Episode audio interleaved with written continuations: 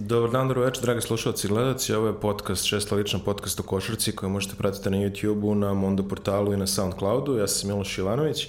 Moji današnji gosti su kolege novinari, ajde ih tako nazovem, koji će nam predstaviti jedan zaista interesantan projekat koji možete pratiti na državnoj televiziji nekoliko dana pošto pogledate ovaj podcast, tako da dosta ekskluzivan kontent, mada ako ste prisutni na društvenim mrežama, siguran sam da jeste. Verovatno ste već čuli ovaj, eh, sve i svašta o njemu.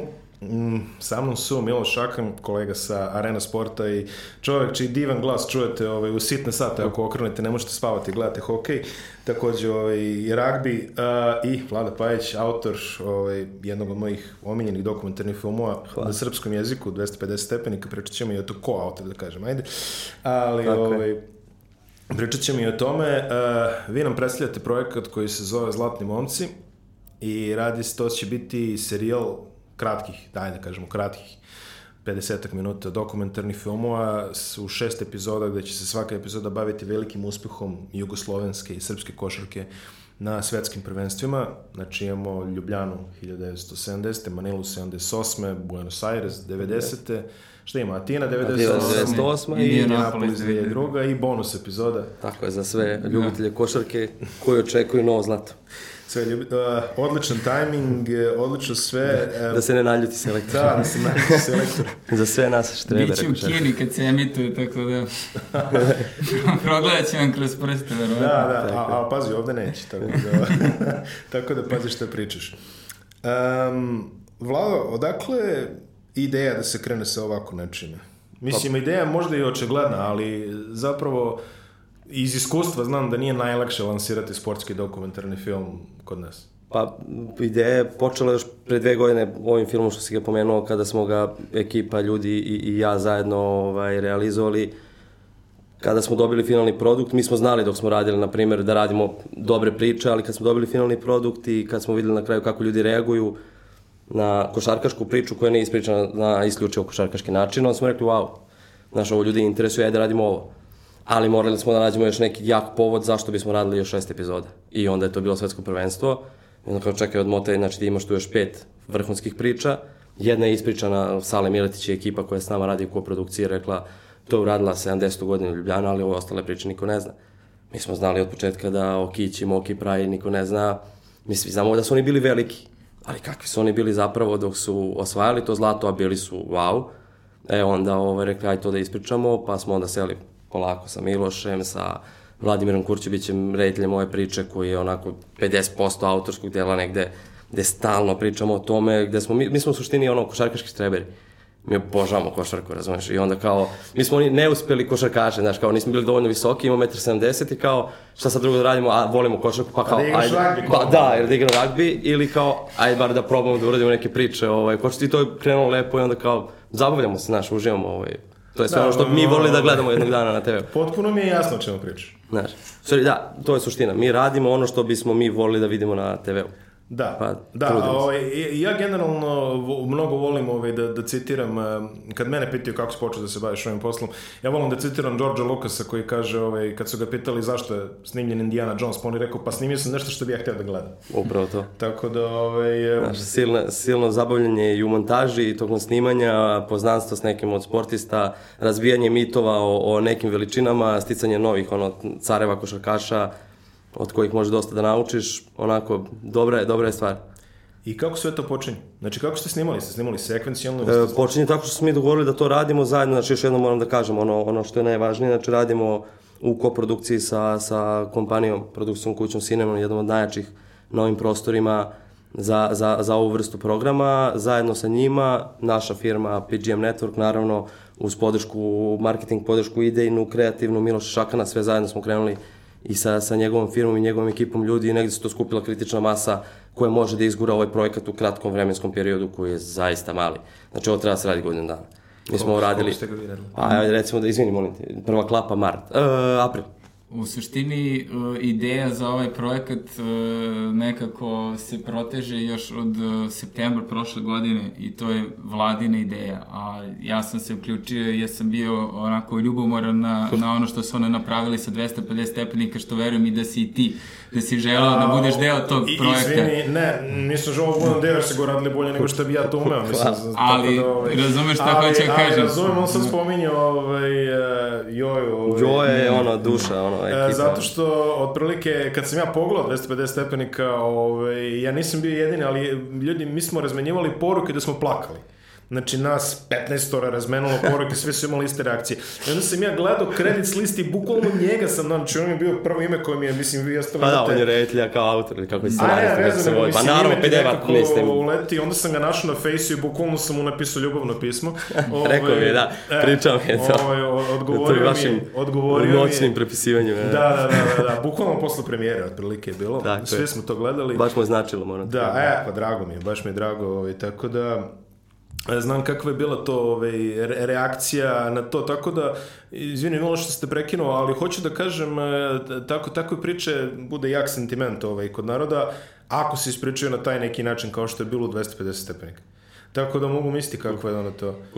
Oni su napravili jednu izuzetnu stvar i na krilima toga uh, neko vreme smo mi pričali, ovaj, jer ja kažem, ja sam ljubomoran, ali pozitivno šta su oni uradili i želeo sam i ja u jednom trenutku da budem deo nečega takvog ovaj, e, takvog jednog projekta i, i dugo smo mi pričali šta bi to moglo da se, da se uradi i onda negde tamo o, početkom jeseni prošle godine o, vlada je rekao, e, znaš šta, možda bi mogli nešto da uradimo u oči svetskog prvenstva i to je inicijalno išlo ka tome da se uradi još jedan dokumentarni film, ali kada smo shvatili, odnosno kad je on pogledao materijal zajedno sa Jojom, jer su stvarno oni, da kažemo, lokomotive ovog projekta, oni su rekli ovo nema šanse da mi stavimo ni u dva sata, ni u dva i po sata, Dru, druga stvar je dokumentarni program u dva i po sata ipak nerealan u jednom cugu.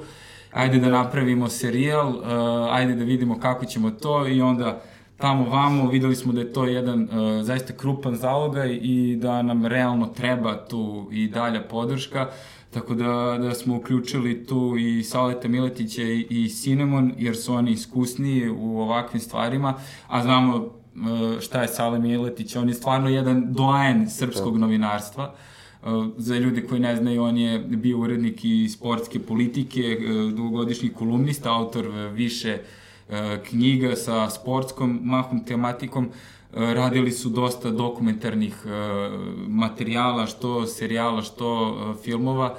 I onda tako u jednoj sinergiji mi smo krenuli bukvalno na ovo ruk negde u januaru da rovarimo da nekako nađemo sredstva, jer to je u stvari ključno kada, kada govorimo o, o srpskoj cinematografiji i uopšte ovaj, uh, uh, mogućnostima šta ti možeš da uradiš u nekom vremenskom roku i sa koliko novca. I mi smo krenuli i mogu da kažem da smo uspeli da napravimo jedan dobar balans, da, da možemo da obezbedimo da snimimo to što mi želimo.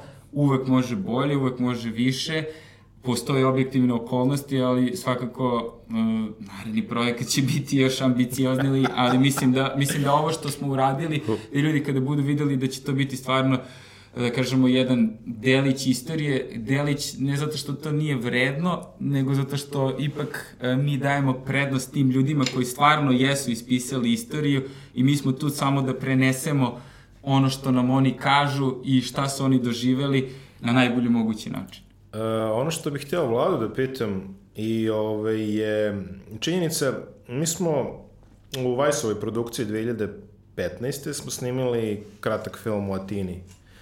Ove, to je snimo Gruje, ovaj, moj, moj prijatelj eh, koji već duže vreme se ne bavi tim poslom, znači, ali ta produkcija je generalno bila dosta interesantna, to je krenula neka ideja, pa smo se skupili, pa su imena nekako ubacili, Mislim, nisam ja, nisam ja učestvovao u upravljanju filmu, osim što smo snimili, ali kako pričamo o tim nekim stvarima. I onda ja sam to nekako gledao kako je to ono, kao treba bude početak, ono, što bi rekli, ono, kao neki srpski 30 for 30, ajde da krenemo odatle. Naravno, nije stiglo ni do srpskog one for one, otprilike, ali ovaj, e, generalno, A, posle kad sam ja snimio, snimio sam nekoliko ovaj, e, kratkih filmova o košarci, znam koliki je napor napraviti film o nečemu u 15 minuta, a koliki je napor napraviti jedan film od 50, a koliki je napor napraviti šest filmova od 50. Um, gde je gde zapinje sa srpskim dokumentarnim sportskim filmom koga stvarno ima proporcionalno malo naspram sportskih dostignuća koji ovaj narod postigne? Pa najveći problem ja, po mom mišljenju, što sam stekao u zadnjih par godina, je malo tržište. I ja to trubim stalno. Mi nemamo tržište dovoljno veliko da to može se izbacuje u nekom kontinuarnom nivou. Znači, mi dolazimo do problema da mi snimamo priče sad ove, mm. pa snimamo možda još nešto, se ogrebemo o košarku, kao, e, daćemo kvalitetan proizvod, i kao šta dalje. Kao vidi ih ovi opet snimaju nešto o košarci. Znaš, a, ako ćeš da radiš neke priče, treba da radiš prave priče o u nekim uspesima ili, da, o neuspesima niko neće da priča. Znaš, da. kao mi možemo da pričamo, znaš, imala je koleginica naša, Katarina Sinđelić, imala sjajne ideje, sjajne ideje da pravimo neke dokumentarce o, o slučaju Šajber. Znaš, ko će ti priča o tome? Da, znam. Znaš, kao, okej, okay, možda hoće jedan, svi ostali će čuti. Kad god dođe do bilo čega, da, ti to u Americi možeš da uradiš. I kao, da. uradiš, imaš nezavisnu produkciju, imaš masu ljudi koji će to gledati, koji se meri milionima. I koji hoće da priča. I koji hoće da plati. I kao ti onda imaš satisfakciju od svog rada, ti radiš svoj, kvalitetno svoj posao i ti na kraju zadovoljan publika, zadovoljan. Ti ovde možeš da pričaš, praviš priče samo o uspesima. Ili možda praviš neke priče o, o nekim likovima koji su ti dali specijalno svoje ime, kao što je Sale Miletić imao sjajne priče da radi, i o Kariju Pešiću, Dudi, Žocu. Gledali smo to filmovi, to su sjajni filmovi. Ali to su, to su priče kao u redu, aj sad još nešto. I onda tako, onda moraš malo da doziraš, najveći problem je tržište, onda ti uvek se nešto okrećeš malo i koketiraš sa Hrvatskom, sasvim prirodno i sa Bosnom, jer kao to je tvoje govorno područje. I još uvek sentiment, jer mi pričamo o Jugoslavi. I sad imamo sreću da, na primer, smo radili epizodu 78. koju ja mislim da bi trebalo da poglede ljudi i u Hrvatskoj, i u Bosni i Hercegovini, i u Sloveniji, jer imamo jednog Slovenca, Vilfana imamo. To je bila ta ekipa. To je bila ekipa koja, mislim da je ovo isto jedna mala regionalna priča, gde svi treba pogledamo na kraju da kažemo koji smo mi kreteni. Je li moguće da je ovo izgledalo ovako i da su ovi ljudi iz produkta te zemlje igrali tako dobar basket i kao, znaš, to, i to je priča o jednoj zemlji, o tim ljudima koji su odrasli u toj zemlji, rođeni u toj zemlji i bili najbolji na svetu bez onako dvojbe i dileme da li su oni najbolji na svetu. Olimpijske igre, svetska prvenstva, tri uzastopna evropska prvenstva. Znači, ljudi su davali po 105 poena po utakmici bez linije za 3 poena. Oni su bogovi košarke. To je pet Hall of Fame igrača. Znaš, mi kao pričamo u finalu protiv utakmice protiv Rusa, Kića i Praja kombinovano 75 poena. Protiv najvećeg rivala. Znaš, kao, pa, to su bili Maši plus Ćosić, plus Mirza Delibašić, plus Moka Slavnić. Koliko je, e, koliko je teško, zapravo, to je ono sa čime se ja, na primjer, mislim, pazi, ja sad ulazim u dubioznije ne. delove košarkaške istorije nego što se vi bavite, na primjer, ali e, znam, znam otprilike da je dosta teško uh, napraviti neki kvalitetan research dalje od toga ono što kažeš uh, od, od, ne, od nekog samo pukog rezultata i broja poena. Juče smo Joja i ja pričali o tome, juče me učio o tome, ono kao pričali smo, imali smo, uradili smo preozbiljan research za... Vi morate da zovete ljude koji su tamo igrali. Znaš ti šta sam ja radio za Bormiju?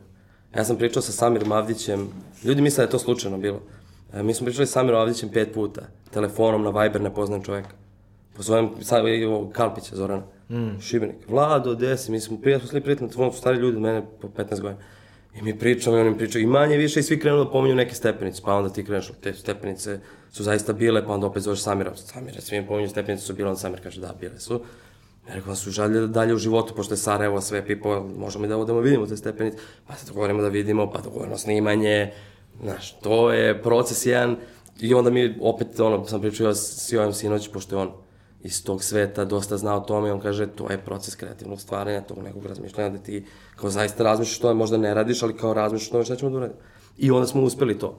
Za epizodu 78 smo uspeli da nađemo par priča na koje će ljudi da kažu pa čekaj, odakle ova priča? Znači, ima potpuno neke nevjerojatne, znači, uopšte, epizoda o Kići, Moki, Praji, Ćosi i ostalim masovima, ona nije uopšte super, ono je, znaš, to je, to je nešto, priča o zemlji, mi imamo tu ljude koji nisu tapnuli loptu u životu, koji su deo te priče.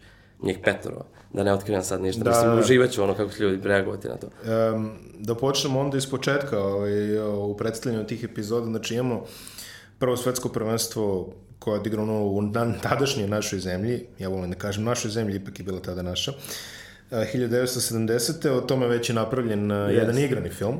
Bićemo prvaci sveta, vi uzimate dokumentarni pristup. Ko, ko vam je bio na raspolaganju te generacije Miloša, s kime ste razgovarali? Pa, tu, tu epizodu snimaju Cinnamon i dosta smo koristili neke arhivske materijale koje su oni već snimili i imali su tu uh, viziju da su oni neki ljudi koji nažalost nisu sada među živima, da dokumentuju. I da, da bukvalno ja mislim da gotovo, gotovo sve neke sagovornike su do, da, da, da koji, znači, koji, koji su bili ali deo. Ali gledao sam, vidio sam, ono, vidio sam epizodu, mislim, govorim u njihovo ime, super epizoda i, i, i sveže.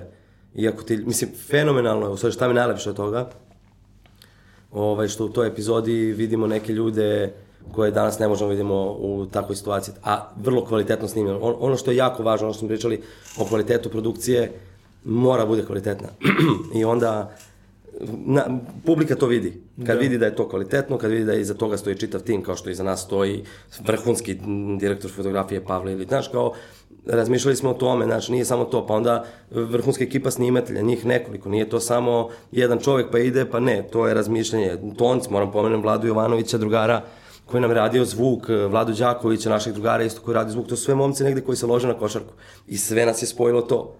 Znaš, sve su to neki košarkaški zaljubljenici, štreberi, mi svi imamo, znaš, ono, kao šta se radi za vreme Indianapolisa, svi imamo odgovor na to pitanje.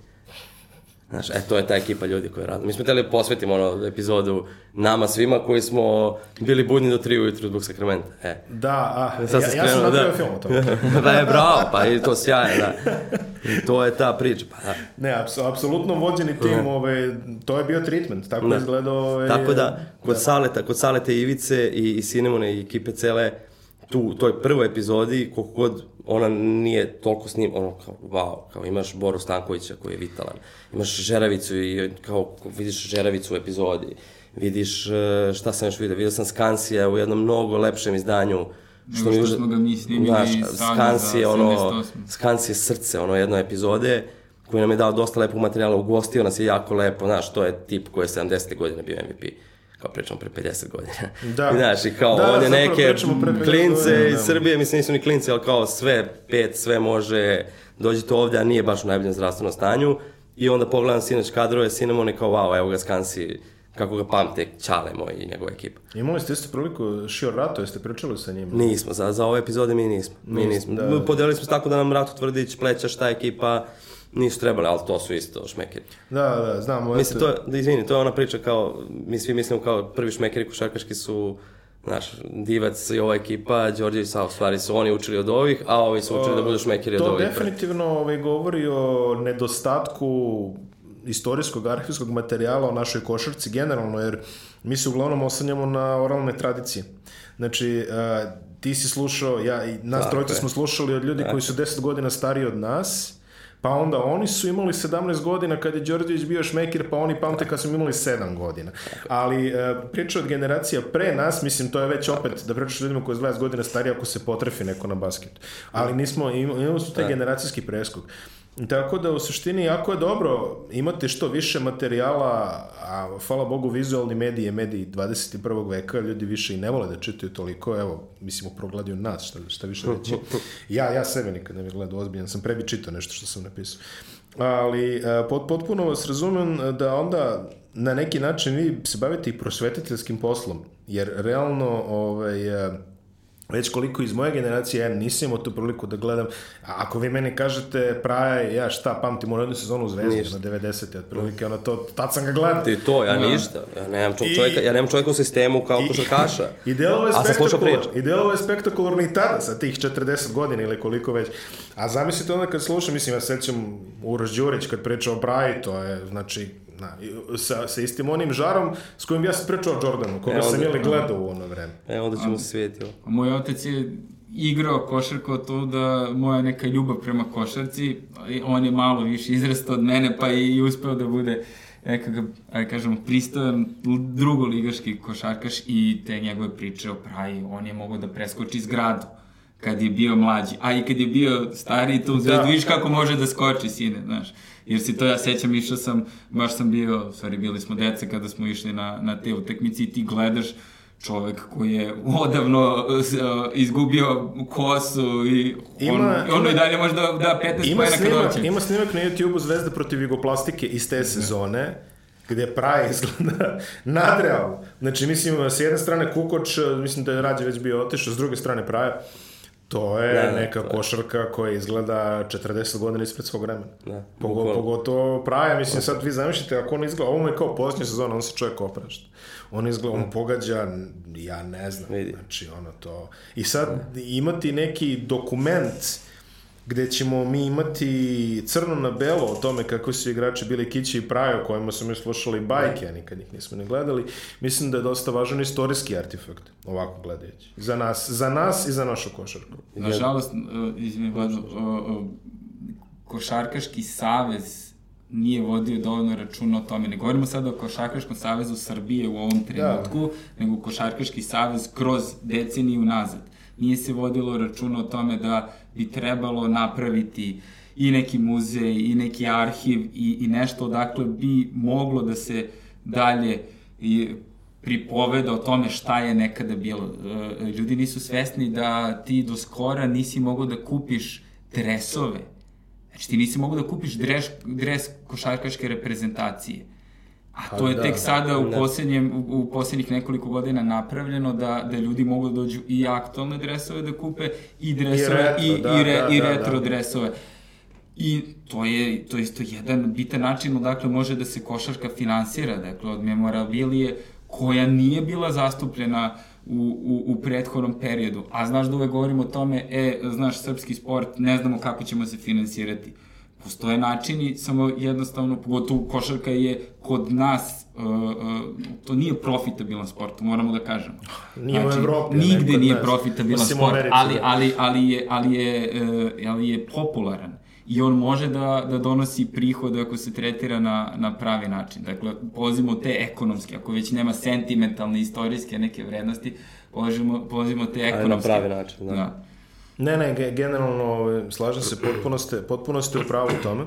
A, ovo što si ti rekao za Savez, nije samo Savez, ligaška takmičanja, ne postoji ni jedan provereni arhiv Jugoslovenske lige u košarci koja je na vreme bila najjača, to su podaci koje ono, koje kolega Daba otprilike može da iskopa, ono, samo on, ili ovaj, neki ono drugo, drugi savanti, ono, XU i jugoslovenske košarke ali imati, ima, ponovit ću sebe opet, ali kažem, imati neki vizualni dokument da su ti ljudi zaista postojali, da su ti za ljudi zaista igrali, jako je vredno. Dolazimo do, do te Manile ovaj, o, ko, o kojima ste vi pričali, a, kada sam pre pre pet godina za svetsko prvenstvo 2014. pisao najavni tekst o filipinskoj košarci. Uh, I jedan čovjek je ostavio komentar u tekst gde kaže sreo sam ljude u Filipinima koji su me pitali odakle si, ja im kažem ja sam iz Srbije i oni su mi nabrojali cel, svih 12 igrača koji su igrali minuli 70. Znači to je kod njih kulturno, mitski, fantastični događaj, kod nas je to neka fusnota manje više. Mi nemamo ništa. Spiričići ti vlada da u stvari i to nije bilo tako 78. u Manili, već je svetsko prvenstvo bilo u senci jednog drugog događaja. Ovaj, Nije, mislim, da. Priča je tako je išla, mislim, sad će onda kaže... Manila je, Manila je sjajna priča sama po sebi, znači, to je generacija ljudi, prvo moram da kažem da o uzorima i o ljudi, ne o uzorima, nego ljudima koji su prenosili meni negde te mitske priče o košarci, o mitskim junacima, meni je bio jedan od tih čale, meni je Buraziru. Da, naravno. Jer je on pominjao, on je odrast u Sarajevu, a tamo je Kinđe Mirza Delibašić bio tata. I onda, kad smo mi tasali Kinđe, već, ja mislim čak i preminuo, ili ono, već je bio jako loš, da, 2000 da. neke, ali eto, kad smo mi, da, da, da.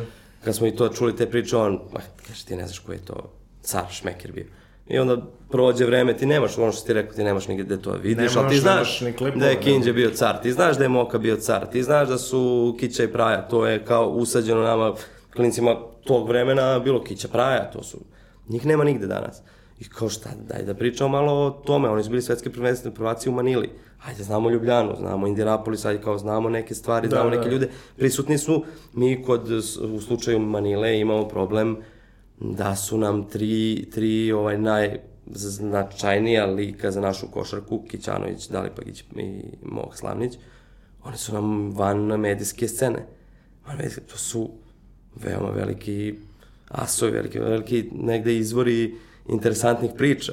Pa onda kad smo krenuli da radimo arhivu, ušli u arhivu, izvodili neke stvari, pa kad smo gledali kako se igra ta košarka, kako se igra ta košarka, ta, pogledali highlights, pa bez Radmila Mišu, mi smo našli neke snimke Radmila, Radmila Mišović, kao, wow, šta ovaj čovjek radi.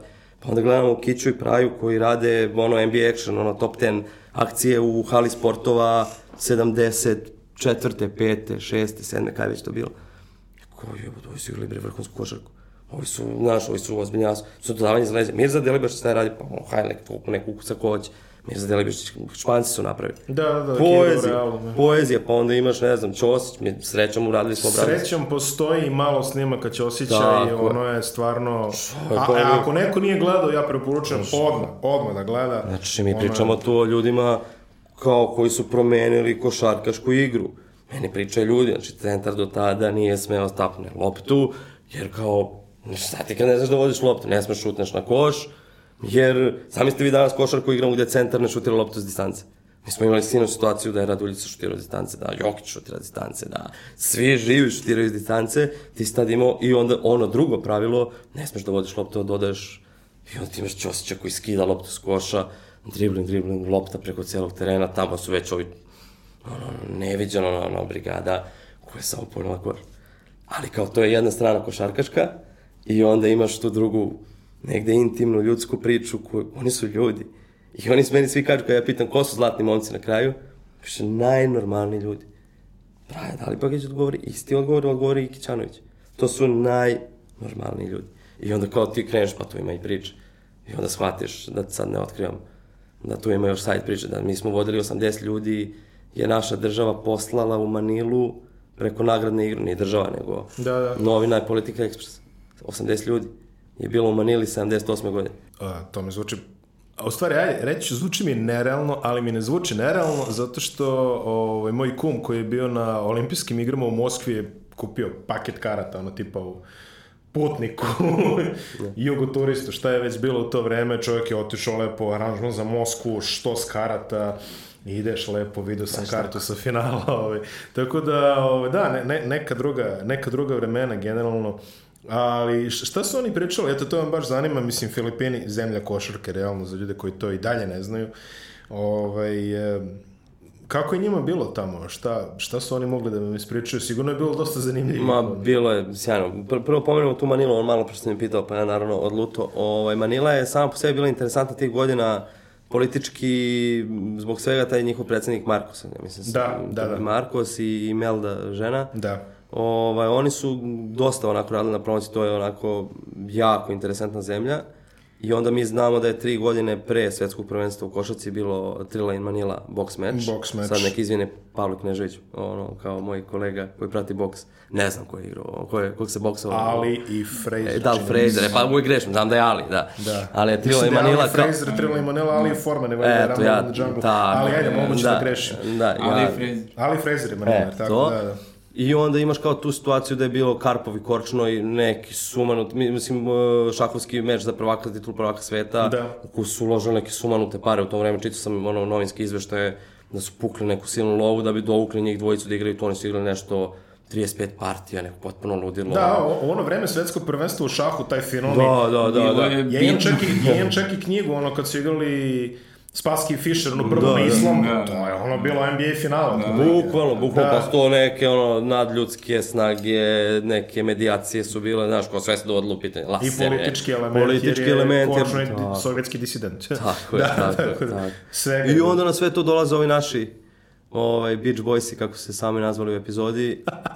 Mislim, vidjet ćete, ono, uživat ćete. Ovaj, dolaze tamo, ali na, napravili smo čitavu priču o toj generaciji, o tom načinu razmišljanja o košarci. Oni nisu uopšte razmišljali da neko može da ih pobedi. Oni su išli tamo po nešto što je njihov. Da. Ok, jesu. Ova, jeste činjenica da Amerikanci nisu bili sa profesionalcima, Wow. ali je to Praja jako lepo ispričao i, i, i momci koji su pričali, to jest momci, oni koji su pričali sa igrači, oni su igrali sa tim američkim igračima. I mi imamo snimke, mi imamo, oni su igrali 78. mesec dana pred... Bili su na pripremama u Americi da bi se pri- baš spremili. Tako I kaže, ne, kaže. Moka kad je igrao, kaže protiv ovaj, tamnoputih igrača, prvi put tako u nizu ozbiljnije, kaže, posle mi izađe neki italijan, pa kaže, to mi je bilo smešno, kaže, to ne može, kaže, ovo sam se osjećao kao da sam u tunelu, kaže, kad sam igrao. Ma ne, naravno, ono, ovaj, oni su igrali s njima na nož u Americi, na četiri poena gde su igrali Beard i Magic kao studenti, do duše. Da, da, da. Ali to je bio NBA, ne NBA, nego Hall, ono, Hall of Fame, ono, Da, star da, da. potencijal i kao imali su legitimitet da igraju i kao odmrli su u Americi, izgubili četiri pojene, imamo tu utakmicu snimljeno. Oni su svi tu, oni su igrali, oni su bili college igrači, ovi naši su imali tad 23, 4, 5, 6, 7 godina. Znači, mi opet pričamo o, Da. o klincima i sigurno bi mogli, nema dileme da li bi mogli, ti kad pogledaš tela njihova, pre svega Prajno, pre svega i Mirzino, da, oni su mogli sigurno igraju NBA, nego NBA tad nije bio otvoren, pa se polako Pa, otvarao. Praje, Praje, imao je Koketira, dosta, da. koketirali su, da. Da, Praja, Praja nije hteo u NBA zato što bi morao da se odrekne reprezentacije, Da, što je da. stvarno jedno razmišljanje neverovatno. Ma, drugo- pogotovo. drugo, drugo vreme, da, da. drugo vreme, da. Eto i to je kad je u pitanju, kad je u pitanju Manila, onda idu priče o njihovom dolasku, da ne otkrivamo glavnu temu priče, dve glavne neću da otkrijem, pomenuo sam dobitnike, ima jedan naš slavni proslavljeni muzičar koji je isto usko vezan uz tu generaciju. Ono, ljudi će znati o kome se Pa radi. eto, kao, ali voleo bi, eto, kao, voleo bih da to sačuvamo kao jedno malo iznenađenje, naročito za, za one možda koji mlađe. Ne, za one mlađe, da, mislim, oni ne, kap- mislim, kapiraju, nek samo skapiraju koliko je to bilo veliko. Pa znam, meni Mislim, ajde Miloš, ovaj, meni Miloš poslao kao, e, znaš ovaj klip? Rekao, brate. Ali okej, radi se o nekom izuzetno popularnom, samo ćemo toliko reći. Ne. Doček taj je bio isto nešto neverovatno. Da, da. Dakle, ono što mi sada se sećamo, Eto, nama je Atina, 95-a, nama je Atina reper za 95-a, Doček, da. 95 i 2002 to su kao neki reperi, pošto je 2002 ono stao bukvalno grad čitav i, i sami košarkaši kažu da to, iako su bili ranije na tim dočecima i kao neki koji nisu bili igrači, nego kao da su došli da gledaju, kažu da to nikad nisu isto videli. E to 78 taj doček je bio Da, ali je bio drugačiji od ovih, ja, va, važno. ali da je pomenem. isto bio, nije Bio se je- stalo, nije se radilo u čitavoj zemlji. Pa, Nije baš bilo tako, nije bio, doček nije bio baš takav, doček je bio skroman, intiman na aerodromu. to je poenta cele priče. E, nije bilo nikakvih dočeka na trgu, ništa, oni ljudi su došli na aerodrom, a ljudi su ih čekali 6 sati na aerodromu. I to, to, je, to je ono najluđa priča da je, između ostalog, ljudi koje ja možda, i, mislim možda, ljudi koje poznajem, znam da su bili, došli su u 6, ujutru na aerodrom, pošto je avion kasnio zbog magle, on je sletio u Skoplje, pa je sletio u Beograd i on se to napunilo ljudi na aerodromu, da to je bio neki prvi spontani doček, kao ljudi su došli zbog tebe na aerodrom, čekali 6 sati, znači da stvarno želi da ga vidi. Znaš, neko Da, bi ode, znaš, da kao, ga pozdravi. Da ga pozdravi. Nije bilo ni ograde, nije bilo, oni su sleteli na, na pistu, ljudi su bili na pisti. Znaš, Da. kao, to, to je ono kao, i onda je to posle evoluiralo, znaš, njima je smešno ovo, kad, kad kao kažu, pričaju o modernim do, dočecima, kaže, ono je bilo. Da, Da, Mislim, ono- vidjet ćete priču, mislim, kao potpuno je. Pošto, ovaj, pošto ste i sami rekli da se o neuspesima ovaj, teško priča, a još teže raspravlja, niste snimili epizodu iz 86. udarit ću glavom u zid ovaj. Skoro smo gledali joj ja i kad kao, wow, iz studija, je moguće, da. Ovaj, toga se čak i sećam zapravo. Ovaj, u to vreme, verovatno i ti, Miloše, ovaj, što manje pričamo o tome, to bolje. Ko baš želi, može da izgoogla. Ovaj, Ja znam tačno gde sam bio. Potencijalno, po, Šta potencijalno, sam radio, gde sam bio, šta sam radio, potencijalno sam bez da se... glasa našeg komentatora, ja mislim, ovaj, koji je u tom momentu izgubio jedno 40 godina života. Ali prelazimo na Buenos Aires koji takođe ovaj, pamtim, mislim sa tih 10 godina bio sam ono preorientisan na futbol, uvek to kažem, ali ne može svetsko prvenstvo da proleti pored tebe. I onda se sećam da je to definitivno jedna od najboljih eh, reprezentacija koja je igrala košarku, ne najbolja naša reprezentacija, nego definitivno jedna od najboljih reprezentacija koja je igrala košarku. Šta, kako ste, kako ste ovaj, em, sećanje uspeli da iskamčete iz tih ljudi, to još je relativno skoro, da kažemo tako. Ja, To, to, to je prvo generacija koja je 89. se prošetala u Zagrebu na, na evropskom prvenstvu. I 91. Dobro, da, ali, 90, ali 89. taka nadmoć stvarno, ja mislim da nije viđena, a onda 90. je to samo potvrđeno. Uh, ono što možemo kažemo ćemo imati stvarno neke ekskluzivne snimke iz uh, Buenos Airesa.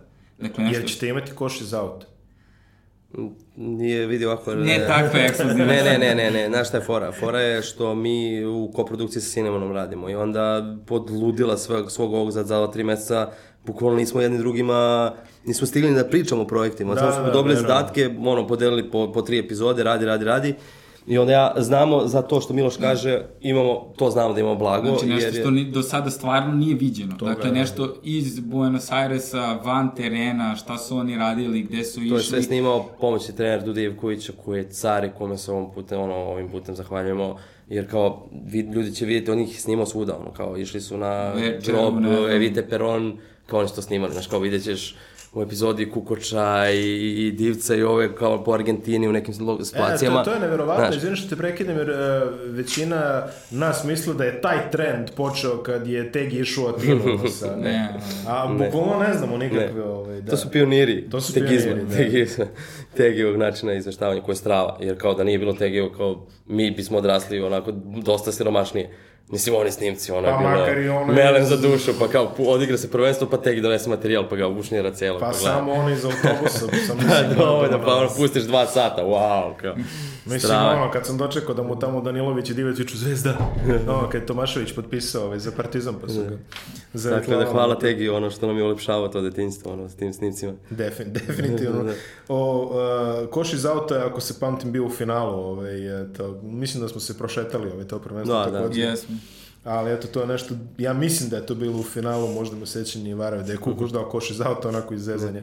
Bio je neki ili upsa, ba ne, mislim, Ljudi st- su van, strašno. van svog vremena, mislim, ono, potpuno izvan.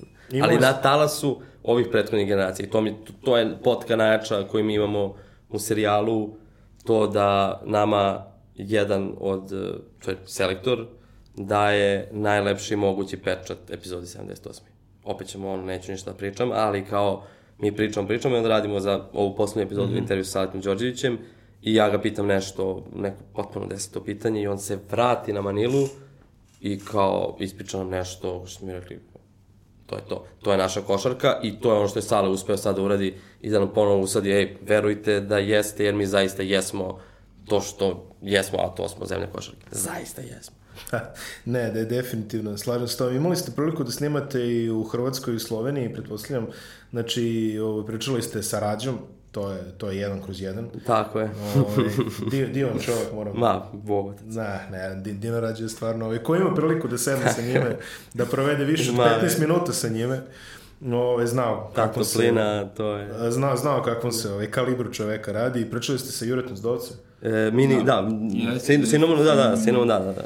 Za 90-u imaju snimak i iz Dovca Da, i pričano je o toj situaciji sve šta se dešavalo, mislim sa To je svima bilo njim- 91., svima njima, 91., ali čitav- 91., čitav kontekst, da. To Da, je, da, da, to je tada je to, ta, mislim, znaju šta se desilo sa Najemo divcem i sa zastavom. da, Ovaj, sa a, ali, ali mislim da je nepravedno da se na pomen 90. odmah razmišlja o toj nekoj situaciji, a ne Da, da. razmišlja, ne razmišlja o tome, mislim da su oni tada uh, dobili bili Amerikance koji su bili NBA, NBA ekipa, možda to nisu... U najavi. Da, da, Da, da, možda to nisu... vrlo pristojne ekipe. Da, da, da, to su sa nekoliko All-Star igrača, znači to su stvarno dobri igrači, nisu bili super zvezde iz te ekipe, nema super zvezda posle u NBA ligi 90. godina, ali ima veoma, veoma kvalitetnih igrača i to, to je ekipa koja je došla sa ambicijama da tu napravi, napravi rezultat, ali mislim nije bilo dileme za, za to šta ćemo mi postići. Mi smo već tada imali NBA igrače u svom sastavu Da. i tu se otvorio taj put za, za dalje. Na moju ovaj, veliku žalost niste napravili epizodu o 94. i svetskom prvenstvu u Beogradu, jer se... E, jesmo, Je- jesmo, jeste, da. suštinski A jesmo. spominjali ste. Da, Pa- 98. je u, uvod u tu epizodu je upravo to razočaranje što se nije igralo svetsko prvenstvo pred domaćim navijačima, kako se sama e, Beogradska arena, odnosno nekadašnja hala Limes, Hala Limes, tako je. gradila i ima jako zanimljiva e, priča sa arhitektom hale Vladom Slavicom, koji priča kako je do toga došlo, pa onda je otišao, snimili smo ga u društvu Dudivkovića, da su oni zajedno otišli u halu i pričali o tome da je sadašnja hala kako sada izgleda, trebalo malo drugačije da izgleda i da je to bukvalno bio državni projekat koji samo odjednom stao. A, za mlađe ovaj, slušalci i gledalce, čisto ako ste promašili ovaj deo osnovno košarkaško obrazovanje, A, svetsko bilo pre prvenstvo- 25 godina. Što je bilo pre Da, klinci su fazonu, svetsko- šta ovi pričaju, je. Svetsko prvenstvo u košarci 1994. trebalo da se odigra u Jugoslaviji. Ovo što je danas Beogradska arena, što kaže Miloš, se nekad zvalo Hala Limes i trebalo da se zove Hala Limes i počelo je da se... Ne, to je Limes je bilo po firmi koja Da, je gradila. da, Da, kad je stalo, da, da. ljudi nesvesno počeli zovu Limes, inače... Tako ono, je. I ovaj, znači, to je godinama dreždalo prazno to mesto, onda čini mi se da su ga završili za Sad ovo je opet ironija. Završili su ga za svetsko prvenstvo u stolnom tenisu 1999. I opet se desi rat. Znači dva puta rat odlaže ovaj, e, arenu. Takva nam je sudbina bila izgleda u tom momentu, ali pre- svetsko Tako je prvenstvo... osobino generalno. Da, svetsko prvenstvo 1994. se na kraju odigralo, čini mi se, u Torontu Tako ili u Da. Kanadi. Da, Ameri, Ameri. I Amerikanci su ovaj, Rutinski, da. rutinski rešili drugi Rusiju, team. Rusiju u finalu, Da. koja je opet malo iznenađujuće rešila Hrvatsku u, Tako u je. polufinalu. A, 98. vi ste počeli moje omiljeno svetsko prvenstvo, jeli? Ovo, zato što tada ona, svako pamti ono što je bio u naponu snage, što bi se reklo, ja sad imam 18 godina, ovaj, e, umeo sam da se krećem na terenu bolje nego sada, 21 godine kasnije, da šutiram još uvek umem, ali e, to, to je bilo neko, opet, interesantno je kada pričamo o tom prvenstvu, ono što uvek volim da kažem, mi, znači mi koji nismo igrači, smo rekli, aha, lockout, idemo, zlato, to je to, gotovo, pakuj, znači to će biti to. A s druge strane, pričam sa Mićom Berićem koji mi kaže, kaže, nas je otpratilo pet novina. Poleti, Da, da, da. Pa poleti sad, ni, ne, može ozbiljno lepa paralela da se napravi između te generacije i Saletove 2014. Gde su oni otišli isto bez asova, ka, pa ne znam, pričali smo s Dejanom Cukićem za epizodu od 2002. jer je vodio dočeke, bla, bla. I onda on nam priča da je bio u Atini i da ga je Đorđević u jednom trenutku vodio u hotel pored gde su bili Savić, sad ću, Divac, Danilović i sad ću te slagati ko bi trebao da bude četvrti, Paspaj. Ba, da, Sede znači, u hotelu i dolazi Sale Đorđević i kaže, ovo je nama... Cokić, da, kaže, pa ajde, odigram ja, kaže, Cukić, ajde, odigram ja s vama basket, vjerojatno ćemo uzme neku medalju, jer kao, e, mi smo u takvoj situaciji bez tih hasova, znači da, desila da. se jedna smena, Sale je onako, onako sa, sa jednom nogom i sa štakom je otišao, gde je rešio utakmicu u četvrtfinalu sa, Sa mislim, ono je, ono ko pogleda, ono je masterpiece, ono od 7 poena, ali kao bam, bam, bam, i kao rešio četvrtfinale, onda posle dolazi Grčka i to su bile neke antologijske utakmice tu koje, koje, koje svi pamtimo i ona Grčka, druga Grčka Druga u polufinalu. Da. I sve ono što je bilo u hali, pa onda Pa, pa posle Nikolao finale i Rebrač. loptu, Da, da je e, uranjen. bravo, sad te kažem, ali mogu setim ko je, da, da, Pa, da, Nikolao je da, degažirao da, koji da bi uzeo, sreći, ono, kao- ne, ne, da bi tehničku dobio, jer je tehnička jedno bacanje i imaju napad, i onda kao, mu bilo pametnije da kao, Pa ne, mislim, svašta su probali. pa sećaš kako su bežali Ja od, od, od Reba, Rebrača, kako su ja bežali od iskreno ne znam kako su mi izvukli produžetak tu. Mislim, ono, to je bila neka nadrealna serija. U poslednjih ono minuti u produžetku smo ih već ono. I naravno. Eto, ta priča, i onda je, ta, da, da, ta priča je samim tim, ono, potpuni underdogs, koji odlaze tamo sa Bodirogom, koji je u tom trenutku potvrdio najbolji igrač sveta, ostatka sveta, bez profesionalaca. I Rebrača. Re, Rebrača koji je igrao van da, serijsko Rebrača prvenstvo. možda jeste Bodiroga bio MVP, ali Rebrača možda, najznačajniji, bravo. možda ipak Definitivno. bio, bio i ovaj, Ponovit ću- da kažemo najbolji igrač. tog Ponovit šampionata. ću još jednom, ako me iko ikada pita, pitali su me, a prva petorka srpske i jugoslovenske košarke koji stigla do centar je meni Rebrača iz 98. Ja cenim stvarno sve što je Vlada Divac uradio i nije uradio malo toga, da se razumemo. Ali ono što je Rebrača igrao 98. ono je bila košarka Dakle. sa druge planete. Jeste, jeste, jeste. I imamo sreću, Pripremama, da, pripremama sreću. 98. samo da, da Mhm. ovaj, dopunim vladu, oni su uh, igrali, ne znam protiv koga reče Drobnik da su igrali prijateljsku utakmicu ovde, to je bilo poluprazno. Da, Da. I onda da. je bio poluprazan. Pa isto kao ispred A mi smo bili 2014. tada evropski šampioni. Tako je. Dvostruki evropski Dvostruki šampioni. uzastopni i, i srebrni. sa olimpijskih igara u Da. Atlanti 96. I, Neverovatno, to je baš. A ista da. priča, tako smo otišli u Španiju 2014. Ista priča. Samo što oni su naleteli na ono, Dream Team i u tom trenutku, ali su radili sličnu stvar. Za mene je to srebro iz Španije. Pričamo o, o, ne sad kao sija kao zlato, ne sija kao zlato je srebro, ali kao to je uspeh ravan tom. Jer oni su došli, ono, Raško Katić, Simonović, su igrači, li, on, oni pričaju u poslednjoj epizodi tome. Kao mi smo došli, Kalinić priča, ja nemam pojma gde se nalazim. Micov ne odlazi, ja u fotofinišu odlazim na svetsko prvenstvo, Čini mi se da su i Katić i Simonović bili ono Tako poslednji je. pozivi. Tako je, da. I ti imaš situaciju gde, gde, gde jedan Kalinić slučajno odlazi Jović. s Kletom od Jović, koji u tom trenutku nije bio ni u Zvezdi, bili kod, kod Mute u Bio, Radničku. Kod Moto u Radničkom je bio onako poluepizodni igrač. Tako je. I mi dolazimo od toga da, da ta generacija sada, ti momci odatle, manje više izmenjeno i to, ali imamo situaciju tu da je Kalinić, da ako zanemarimo sve ovo što misliš, da dečko je odigrao tu prvenstvo života. Da. On, je, on je ušao u petorku, tu i ne znam, u- tu onu ludačku energiju, jedan od onih pokretača ludačke energije. utakmici Videli smo ga već ono 2013. čini mi se da je kod Dude. Ono, ali nisam, da, Tu su bili flasheve što Da. bi rekla ono njega, ali ovde je stvarno da, ono pokazao, pokazao sve ovaj, nešto možemo računati za njega. 98. i onda odbrana titule 2002. Ovaj, u jednom fantazmagoričnom prvenstvu u Indianapolisu. Svakakve priče imamo o tome. Da. E, Nećemo sad ulaziti u detalje, verovatno će mnogo toga biti ovaj, za, za gledalce koji se budu uključili u to, ali definitivno isto nadrealno iskustvo. I, I isto još jedan slučaj da je kada se žreb poklopio tako kako se poklopio, kad su dobili Amerikanci u četiri ljudi su rekli, pa dobro, to je to, da se pozdravljamo mi polako. Pa dobro, Kad i su svi smo maštali o tom finalu, kao što Kad i su sad. Amerikanci se- onda poveli koliko, 14, 12, 14 razlike, tad smo rekli, ne, ne, ovo je to. I eto, desilo Tako se to što se desilo. se Pretpostavljam da ste imali prilike da da. razgovarate manje više sa svim. Ni, e, tu moram da ih iskritikujem ono, baš, baš ozbiljno, zato što kao ovim klinicima košarkaškim streberima nisu izašli u susret dosta njih i užasno mi je krivo, nema ni jedan opravdan razlog i eto, kao ako, ako mogu da zamerim, zameram. Mislim, a, mislim, zameram, zameram zato što zovemo čistu priču da ispričam, ja stvarno ne zovem da pričam ni političke priče, mislim mi ne zovem da pričam ni političke priče, ni ono, neke spinove, ni klanove. Mi hoćemo da pričamo o ljudima koji su bili prvaci sveta, de- deo su nas.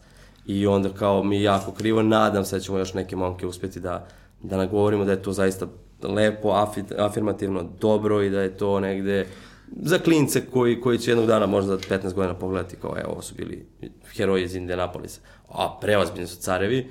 I onda mi je krivo što je generacija malo tako. Mi nemamo celu petorku snimljenu. Mislim, evo, ovom priliku se izvinjam gledalcima, ali stvarno nemamo petorku. Stojaković, Jarić, nisu tu, e, Divac nije hteo da priča, ima svoje razloge, sve okej, poštujem i, i, i kao sve što radi za našu košarku, ali eto, malo, malo ovaj, mislim da, da treba imati te odgovornosti da se priča i, i, i, i za neke Pogotovo druge da saznaju. se radi o non-profit projektu, u suštini Da, koji je, bukvalno, znači, koji je ovaj, arhivskog i obrazovnog karaktera. Baš to. Ali imamo, izvini, izvini, molim ali imamo, ovaj, samo pohvalimo ono, Karija Pešića, da pohvalimo Milana Gurovića, ono, još jednom hvala, čovjek je došao, verovali ili ne, u 7 ujutru na intervju u Novi Sad, da bismo radili priču u Indianapolis, tako da, ono, Milanu, hvala puno, ima tu još nekih pričica sa strane, intimnih, onda smo krenuli priču na to šta je svima nama znači Indianapolis, pa ima ljudi tu i neki aktivni košarkaši i neki još onako poznati ljudi koji nam pričaju o tome zapravo šta je značio Indianapolis njima u tom trenutku. taj Indianapolis sam po sebi je neverovatan uspeh. Dakle, dobiti Amerikance na njihovom terenu i uopšte put kako se išlo do tog zlata, mislim da, da to i mlađi sada dobro znaju, ali kad se uđe malo u srž toga, to tek dobija na značaj. I to je, i taj uspeh je u stvari, a, da kažemo, bio vođen jednom neverovatnom energijom i idejom Svetislava Pešića. Znači, e, uz dužno poštovanje svih trenera, naših selektora, svako ima svoj masterpiece, masterclass, kako god. Ali ovo što je on uspeo to da uradi za 2002. To kad kažem malo zagrebete i krenete da pričate i, i stvarno kapa dole svim tim igračima, uključujući tu i Smiljanića koji je bio 13. tamo, znači stvarno kapa dole svima, svi oni imaju svoju neku zaslugu manju ili veću, ali bez i jednog od njih ne bi to bilo to. Ali ta ekipa, to je trebalo voditi. Znači, to je trebalo voditi, mislim, mi sad ovo možda to su, ne to bi... su i priče koje sam i ja slušao. Ne, ajde. možda nije to baš kao da treba da se priča javno, mi nikoga To je ovime onaj ne problem sa želimo... početka epizode. Da, mi Da, ne da, želimo da. Aj, nikoga sad ovde da, da. da na neki način prozovemo, zato kažem kapa dole svima, ali šta je tada Svetislav Pešić, šta je Kari Pešić tada uradio i kako je njih. Mislim, ja sam Ima znao priča, ima nekih priča, ne. priča da, i pre nego što smo mi krenuli snimanje, ja sam imao priliku jednom da sedim u jednoj, kažemo, intimnijoj atmosferi, ja znaj vlada, sa Karijem, tada divcem koji je bio voljan, sa Bodirogom, sa Dekijem Milovićem, sa Gurovićem. I neke priče koje nikada neće doći do, do, do bilo kog auditorijuma, ne šireg, nego bilo kog auditorijuma, šta sam ja čuo, i šta je čovjek tada uspeo da sve drži nekako u nekoj svojoj glavi koheziji i da to izgura, to stvarno, to, nije, to više nije ni košarkaško znanje. Da. I govorimo, znači, ne, nečemu drugom, sposobnosti nekoj, nevjerovatno. Ne, znači, to je car.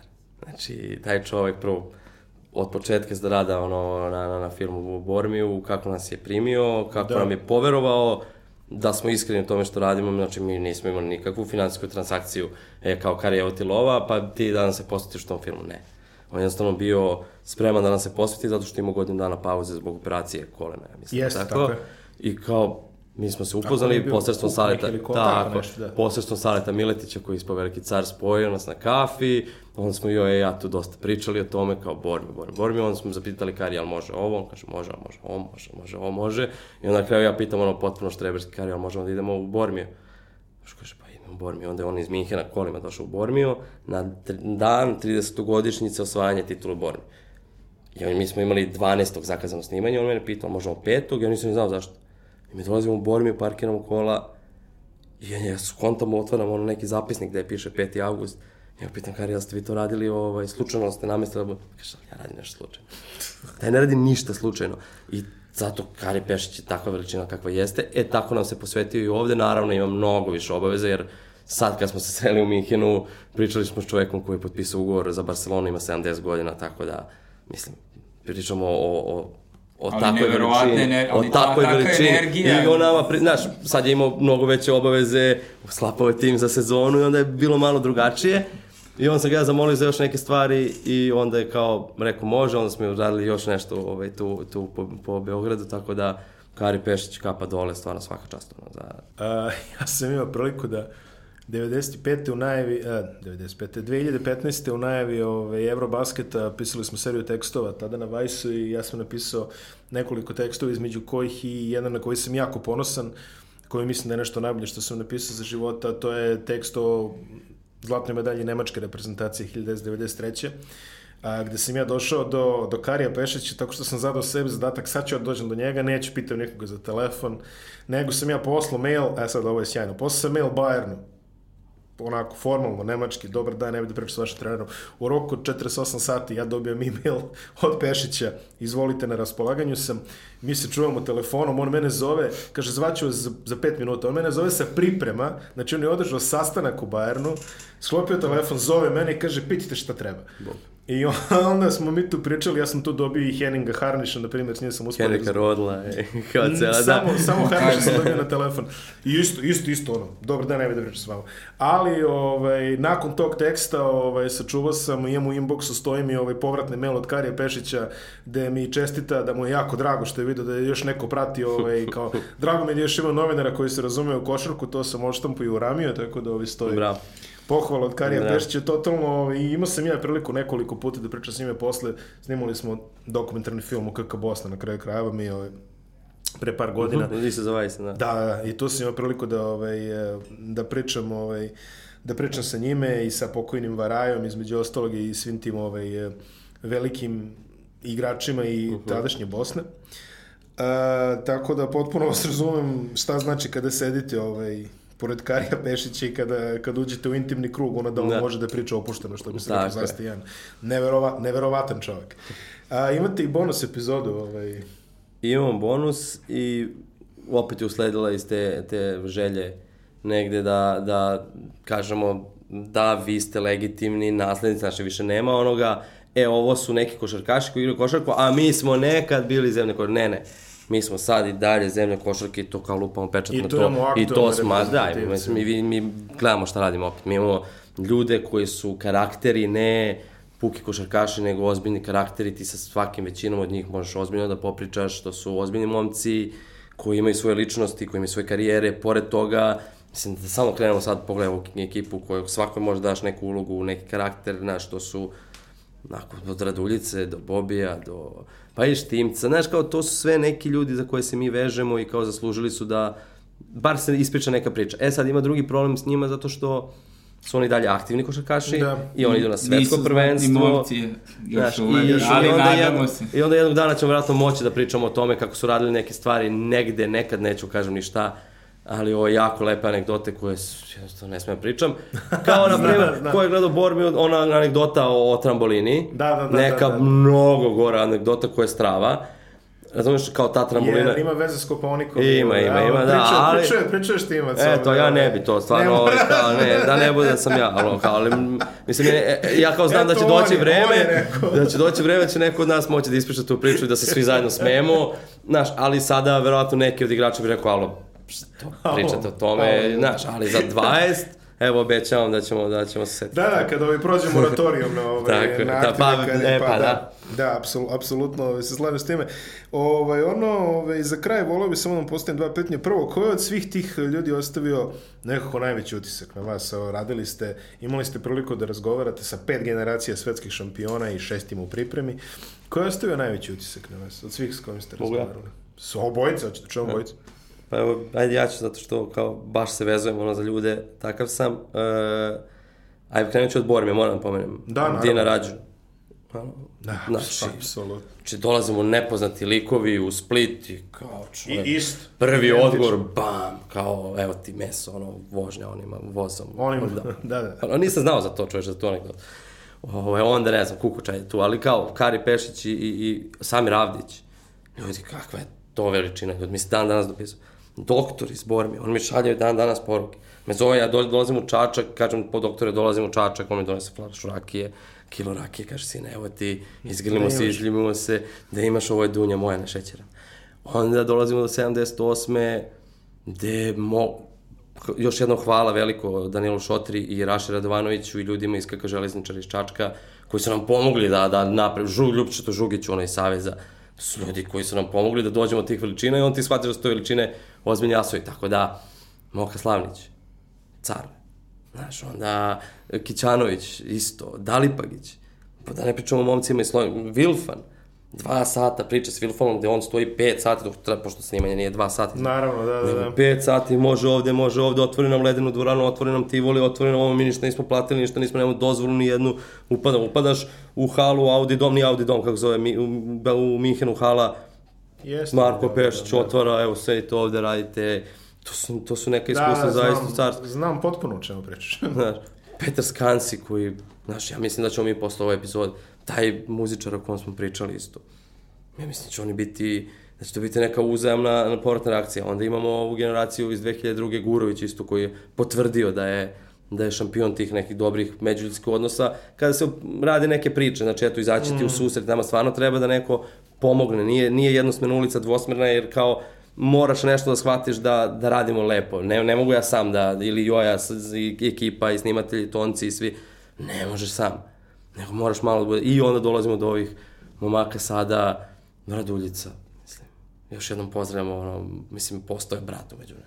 Mislim, kao tako ga doživljava, nismo i sad brat, idemo na piće i to, ali ne. kao ja za Raduljicu mogu kažem da je naš, onako jedan jako drag, a da ima tu i drugih momaka iz ekipe, sada, ne, Jović nam, izašao, nam pomogao dosta, i bio veliki car. Ja sam s Jovićem seo jednom. Nišlije. Znači, ja sam jednom seo s njime, nešto smo radili pred Zvezdinu sezonu 16-17, popričali smo, evo brat, bratu, četiri minuta. Znači, četiri minuta. Ja sad njega kad vidim bilo gde, je- bukvalno ono, izgrlimo se, Tako. na kampu reprezentacije čovjek ono ostavlja, spušta, desi brate ovo ono, mislim svaka njemu čast, realno ja, on seo čovjek samo Da, da. četiri minuta. Znaš E, šta? i onda imamo situaciju da, da, da, eto, tu smo, ovaj, stvarno, hvala i Milošu Teodosiću i svima, stvarno što, Ako, imali smo problem jer to su momci koji su prepuni obaveza. Da. To je osnovna razlika što ljudi moraju da znaju i zato su neki intervju jednostavno loši, jer ti, nažalost, Bjelica nije mogao da nam se posveti više od pola sata. U tom trenutku ja znam to odgovorno i kao momak stvarno nije kriv, morao je da ide porodica, deca i kao ljudi ja imam pola sata. I sad ti kao imaš Bjelicu pola sata. Znaš, on- Snađi se. snađi se, igraj, driblaj levo, driblaj desno, šta ga pitaš i onda, eto, možda neke stvari su malo supan. Raško Katić, ljudi. On je došao kad su bile one, one nenormalne poplave, ono kad, su, kad je padala kiša, Da. najgore, ono kad je blok, blokiran bio autoput, mm. on je taj dan došao iz Kragujevca u Beograd, mi smo stajali, on je bio u kolima sa detetom, lije kiša, ja ne mogu da dođem do njega da mu se izvinim, da kažem nemamo gde da snimamo. I on kaže, daj bre, sine, koji ti đavo. Imao sam neki drugi posao u Beogradu, vraćam se ja za Kragovac, dolazim sutradan opet. Sutradan eto ga opet. I uradimo jednu laka, jako lepu priču. Štimac isto. Raško i javni poziv da dođe kod mene da. u podcast, ovo je definitivno čovjek Biće volio. Da, jedan koji, da. koji apsolutno zaslužuje.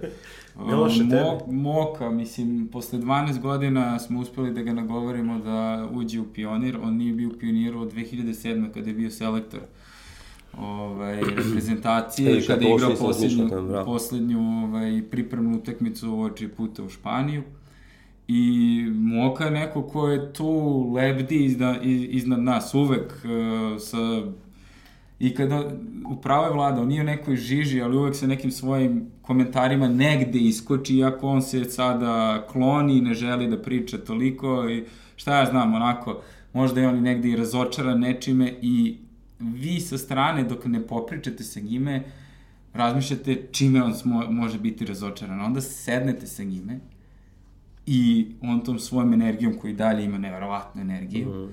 i kad vidite to nešto što vam on kaže i onda razumete zbog čega je on razočaran i zbog čega su možda neki ne znam ko, ja sad to kažem neki to Nije- možda, nije to možda pojedinac, nije- to je ne, ne, čita da, da, to je kao, situacija, eto, to takva je- situacija, da, to je- nema sad kao savez ili neka ličnost ili neko da je to protiv njega i da li se nešto ogrešio njega.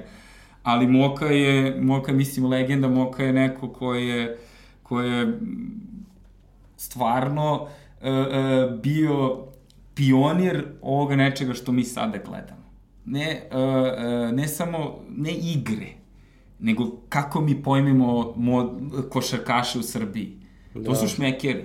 Mm. I to je, to je Moka, to je bio posle Sale i mislim je svi oni na svako na svoj način, ne moraju oni svi da budu u jednom kalupu, ne, mogu, ne moraju da budu uh, šmekeri sa Dorćela iz centra Da, da, da, Beograda, da, da, nema da. veze, ovaj iz Niša, dobro, super dande. Ma, svi su da, da. nema problema. Ovaj, Da, i, i, i to su to su te, te veličine. Dakle, Moka je bio, Moka je bio fantastičan. Ovaj, e, ja nisam video epizodu, oni rade, ovaj, pustio sam kreativni tim, jer sam ja ovde u ulozi producenta, tako da je moja uloga mnogo manja odnosu na Vladinu, Jojinu, Saletovu, pa Saletovu. Ivicu, ali u svom slučaju ja Da. 78. Mora da epizodu, da, 78. nisam, ovaj, nisam video, oni su je još uvek i ja ne znam u, u kojoj meri uh, je taj materijal od Moki iskorišćen, jer mi imamo samo da napravimo Moku. Mi smo bili u pioniru s njime kao dogovoreni sat vremena, mi smo bili dva sata. Ma, poručili sve koncepte s i, šampon. Mislim, ja, ja ne znam ni da... Čoveče, da, opet, žao mi je što, aj, volio bi se vidimo, izvini, volio bi se vidimo posle sam. Da kad pođeš pogleda da me pitaš to je isto pitanje za mogu da mogu da ti pričam, a sad ne smem zato što ću otkriti pola epizode i kao mi je krivo, naravno, da. naravno, naravno. E, dakle, Moka je bio, Moka je bio i naravno pozdrav za, za Milana Gurovića. Mislim, Gurovića svi ovde manje više znamo dobro i Gurke je Gurke je stvarno što kaže vlada šampion i on nam se on nam se ne posvetio, nego bilo je ozbiljna vrućina taj dan, ne možda tako kao u ovom trenutku da mi snimamo Da. podcast, ali bilo je 30 stepeni, bilo je već 30 stepeni negde u 8 kad smo mi krenuli da da smo stigli u 7, da. 8 smo krenuli da snimamo, mi smo završili u 10, dva sata smo ga snimali i pričali sa njime.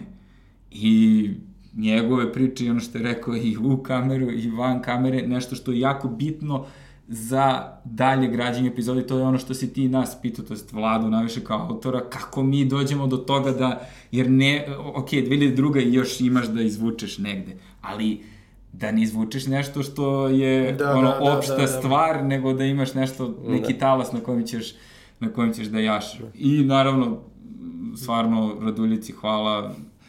Raduljica je... U, Šampion u- međuljudskih da, odnosa. Da, da, da, stvarno, mislim, ja njega, ja njega znam, ja, ja njega znam još iz nekih drugih priča, još od ranije i znam kakav je car, a kakvog je ono, mislim, kad je bio mlađi, je sad, kakvog je čoveka izrastao, što se kaže, poslednjih godina, to je, ono, stvarno, kako To i moram izvini, ako žurimo, ne znam Da, ne, vreme. samo ti reći. E, imamo završne, to jest uvodne kadrove za, za, za poslednju epizodu. Skoro smo snimali i imali smo neku ideju da okupimo po jednog igrača iz svake zlatne generacije, da ne pričam dalje koncept. Nažalost, imali, e, dogovorili smo, Palja nije mogao, Gurke nije mogao, Palja isto, jedan lik. Mislim, mi sad govorimo za ove tri epizode. Naravno, Sale Miletić da. bi dao još ljudi s kojima... Sale Đorđević, ljudi nismo rekli Sale Đorđević. Naravno, Ko- da. Da, nismo pričali Sale Đorđević.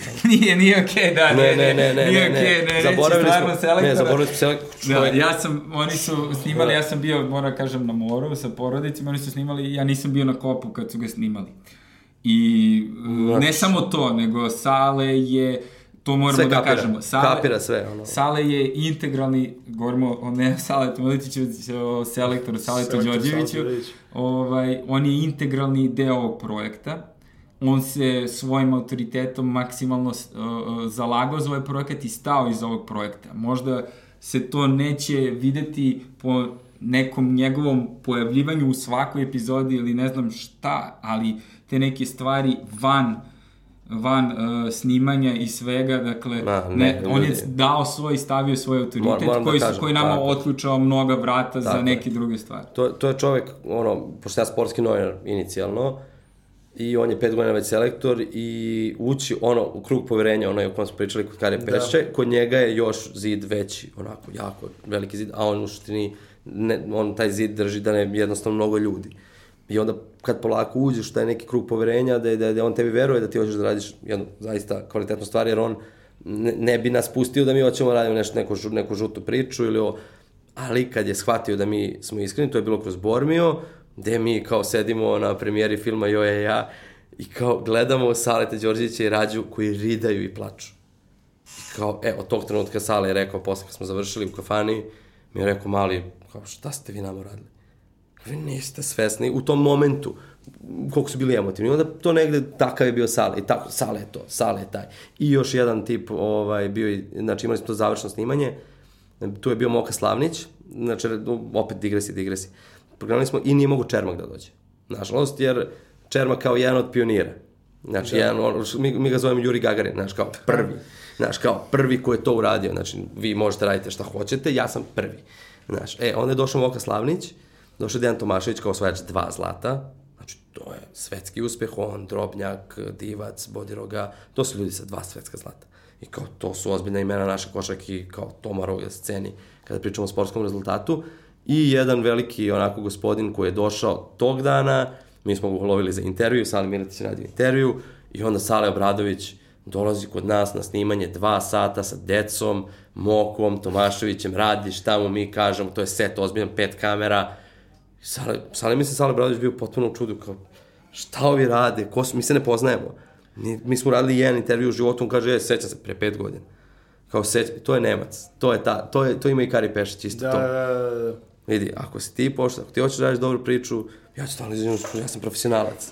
Vidi I se- onda, Vidi se gde igra. ljudi, jedva čekam da vidite Saleta Bradovića u ulozi onako koji treba da ima sad jedan trener, onako ozbiljan tip i da se. Volio bi samo da, da, da. dodamo još ovaj, što smo malo, uh, ajde kažemo, zaboravili, ali smo više govorili o tim legendama, kažemo, svetskog sporta, slobodno tako mogu da kažem, uh, da se zahvalimo grupi THC, koja će da, da koja, koja je već uradila originalnu pesmu za serijal. Dakle, tome smo, mi nismo sad želeli kroz ovaj razgovor da uh, potenciramo to šta je uređeno, da smo mi želeli da napravimo iskorak u svakom pogledu što se tiče uh, dokumentarni sportski program na ovim prostorima. Dakle, mi smo ga tretirali, to jeste dokumentarno, mi smo ga tretirali kao igrani koliko god smo mogli. Jeste. Dakle, u, u, u građenju čitave priče, u pokušaju da ti ljudi urade neke stvari, kažemo neki način budu i glumci, da urade neke stvari, ne da sednu samo i kao, što Pričaju mi kažemo glavom. glava na glavu da ih lepimo, nego da nešto oni urade. Kod nekog možeš, kod nekog ne možeš. Vlada sad kaže e, za neki intervju, ja se izvinjam ako su loši, on je prestrog prema sebi. Nema loših intervjua. Samo statičnih, ono, nismo, verovatno, neki da, da. nismo mogli da izvedemo kako smo mi želeli, ali jednostavno to je, to je stice okolnosti i vreme nas je u jednom trenutku stvarno pritislo i druga stvar je dostupnost tih ljudi. Neki, većina tih ljudi živi u inostranstvu i jako je teško da ti oni budu dostupni tu. Znaš, ono, gledamo Instagram non stop kao, jo, Jarić i dalje nama Znaš, je ovaj, gde je ovaj, vidi ga Peđa, vidi ga Peđa locirani ajde, kao Grčkoj, ne, ajde. oj, u poruku Grčkoj, da. koga zna, kako može, ovo, znaš, ja, je, ja sam... Google Instagram, on kao, ja vidi ga Jarić, on Znaš. uživa lepo, evo, daj mi 15 minuta, reci nešto o toj, tim bacanjima trojici. Tako da, tako da THC grupa je da. uradila, da. uradila stvar za serijal i ta stvar je što je bitno zaživala i kod naših igrača, da, aktualnih igrača, tako da se mi nadamo da će ona da bude Da, nisu igre novi- i pobedi. nisu, nije, da, nije, nije- nije igre i to pobedi. to, ali, ali, Oni su rekli, da, ali da. da kažemo ne, u nekom kontekstu da. Borko i Stefan su rekli, da, na prvom sastanku kad smo bili s njima, ljudi, aj samo od, odmah odustanite, ne pravimo nove igre i pobedi, jer kao ta pesma o kojoj će se isto pričati, koji jeste light motiv te epizode, da su momci koji su htjeli da završe tu svoju muzičku karijeru, zahvaljujući košarci, sada postali... Produžili. Mo, volili mi muziku ili ne tu, ali kao oni su produžili svoj život, oni su na muzičkoj sceni, oni rade i kao nešto stvaraju. Zahvaljujući košarci. Mi pričamo zahvaljujući košarci. Jer da nije bilo, a oni su isto gikovi košarkaški, isto klinci koji su volili košarku, odrasli na dočecima i svemu ostalom, tako da hvala košarci. Uh, Miloš i Vlado, hvala što ste Hvala došli tebi. i umesto mene kukali o tome kako je to praviti dokumentarne filmove o košarci. Mene verovatno niko ne bi slušao, a vas će slušati. Ovaj, hvala definitivno o tome i samo da završimo. Znači, Zlatni momci na RTS-u od 26. 26. avgusta. avgusta svako večer, tako? 22 časa, RTS 1, svako veče, e, šest epizoda, ljudi. 31. Tačno I- do početka imat ćete priliku Ono da što je vidite... bitno, izvini, da, ono Da. što je bitno, bukvalno radimo grejanje pred svetsko prvenstvo, idu polako te priče i onda Indianapolis veče pred prvu utakmicu, ona je ujutru, nešto da li 9 ili 11, i uveče imamo priču o aktualnoj generaciji koja je 2014. kao potpuni anonimusi otišli i Imate znači da priliku da da vidite ovaj, kako se ovaj, kovalo zlato jugoslovenske i kasnije srpske košarke. Hvala vam svako na tome, pa vidimo se i neki sledeći put. Hvala tebi. E, čekaj, čekaj, Da, čekaj, čekaj. izvini, da, da, da, zaboravili smo, a još se vraća Vidi, kući. da, moramo ovde, po, da, moramo pokažemo, ovaj, ovo je kesa našeg sponzora koji nam je mnogo pomogao, sponzorima hvala još jednom, Su kompanije, ne znam da li možemo, da, kao, ali ajde, ovo ćemo presći i možemo još jednom da snimamo. Hvala, evo tebi jedan poklon. Poklon, da. Bio je pitanje poklon, Da. nije ispod... Ne, ne, ne, ne, ali kao da, da, da, da otvori, moraš da otvoriš pa ćemo ti ispričamo još jednu priču, da. Čoveče, pa ne. Da. Mislimo da je prikladan. Da je prikladan.